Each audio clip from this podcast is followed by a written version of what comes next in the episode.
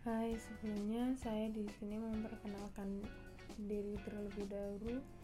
E, nama saya Adinda Maharani Suryaningrum, mahasiswa Universitas Ahmad Dahlan, Fakultas Sastra Budaya dan Komunikasi, program studi ilmu komunikasi. Di sini saya akan menjelaskan teori tentang komunikator, yaitu simbolik interaksionalisme. Kita mulai dari sejarahnya terlebih dahulu. Uh, interaksionalisme simbolik, teori yang paling sering dikaitkan dengan George Herbert Mead, telah mempengaruhi generasi cendekiawan di sejumlah bidang di bidang humaniora dan ilmu sosial. Teori ini telah diterima dengan baik di bidang komunikasi karena menempatkan komunikasi di garis depan studi tentang keberadaan sosial manusia. Kemudian, dampak pemikiran. Interaksionalisme simbolik sebagai perspektif teoritis memiliki dampak yang mendalam pada bidang komunikasi, terutama pada sarjana interpretatif kualitatif dalam komunikasi interpersonal. Pendekatan holistik untuk komunikasi ini paling baik dipahami dengan memeriksa tiga topik dasar, yaitu interaksi simbolik, hubungan makna dan pikiran, dan hakikat diri. Selanjutnya, interaksi. Interaksionisme simbolik menolak model stimulus respon dari perilaku manusia yang menonjol dalam banyak teori psikologis dan sosiologis. Interaksi manusia menurut interaksionisme simbolik tidak berdiri dari dua aktor yang perilakunya terkait dalam rangkaian rantai sebab akibat sederhana, di mana perilaku masing-masing aktor mendorong respons langsung dan tidak terpikirkan dari yang lain. Bagi seorang interaksionis simbolik, interaksi harus dipahami sebagai proses koordinasi, timbal balik, dan pengembalian peran yang dinamis dan berkembang. Tingkah laku masing-masing aktor tidak lepas dari respon yang lain atau dari pola yang terbentuk dari interaksi mereka secara keseluruhan. Mead menggambarkan proses ini pada tingkat yang paling sederhana sebagai percakapan gerak tubuh Mead mencatat bahwa level paling sederhana ini adalah paling khas dari interaksi hewan, seperti dalam kasus perkelahian dua anjing, daripada tindakan manusia yang biasanya lebih kompleks. Pada tingkat yang paling sederhana, sebuah gerakan awal di hadapan orang atau hewan lain merupakan sebuah isyarat.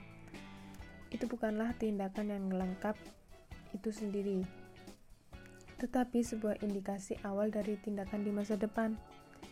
Individu lain menanggapi isyarat ini dengan salah satu isyaratnya sendiri yang menunjukkan jalur tindakannya di masa depan.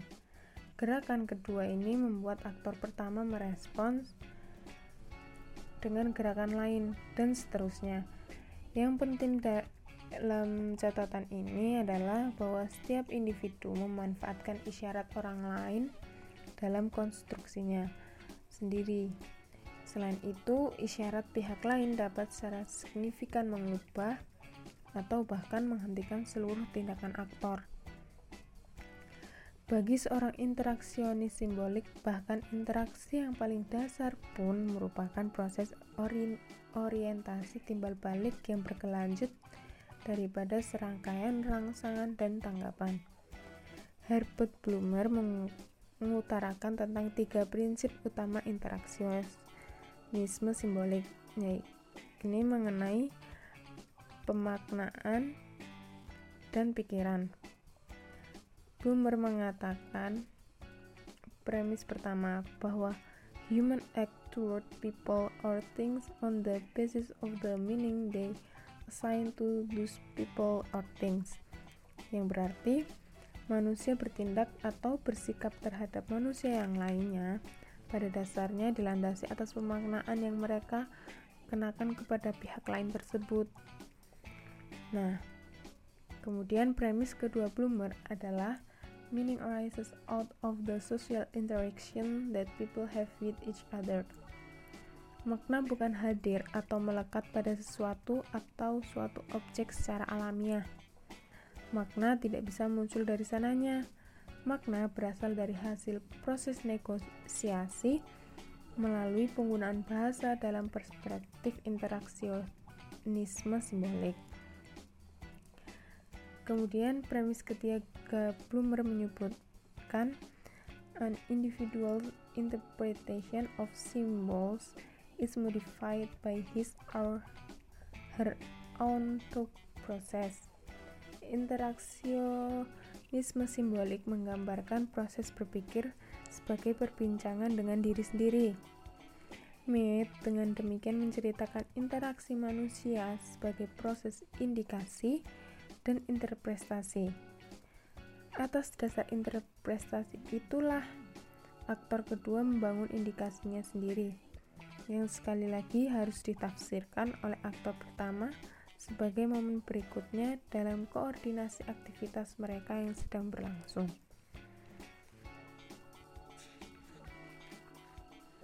Interaksionis simbolik percaya bahwa makna sesuatu tidak dapat ditentukan di luar contoh tertentu dari interaksi simbolis jadi, dalam arti tertentu, interaksi simbolik menghasilkan objek-objek yang menjadi tujuannya, lingkungan atau dunia yang ditanggapinya.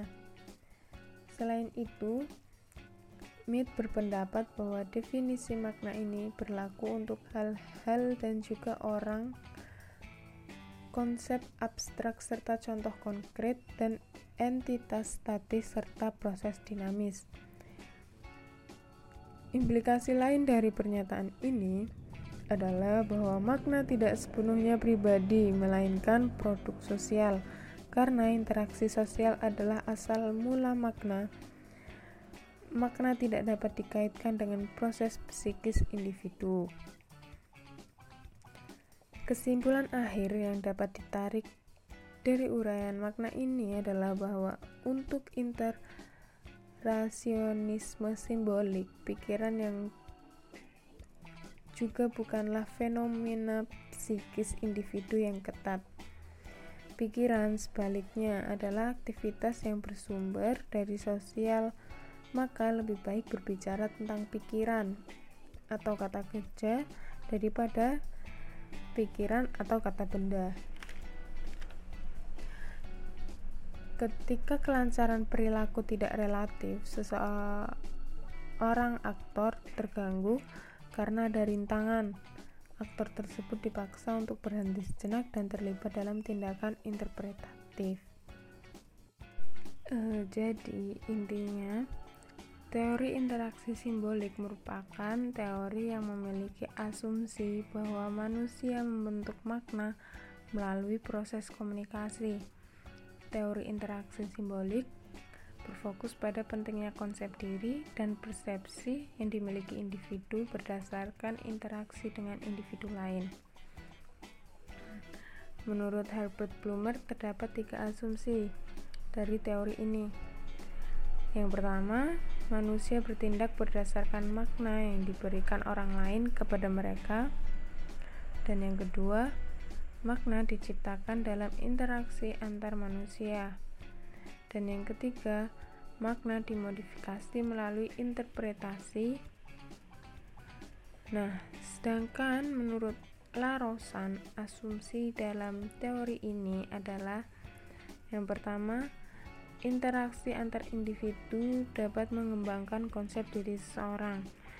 Yang kedua, Konsep diri memberikan motif yang penting untuk perilaku seseorang. Nah, berdasarkan apa yang menjadi dasar dari kehidupan kelompok manusia atau masyarakat, beberapa ahli dari paham interaksi simbolik menunjuk pada komunikasi atau secara lebih khusus simbol-simbol sebagai kunci untuk memahami kehidupan manusia itu.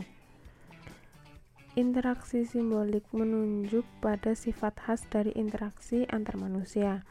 Artinya, manusia saling menerjemahkan dan mendefinisikan tindakannya baik dalam interaksi dengan orang lain maupun dengan dirinya sendiri. Nah, eh, sekian penjelasan yang saya jelaskan. Semoga teori yang saya sampaikan dapat bermanfaat. Terima kasih. Sampai jumpa kembali.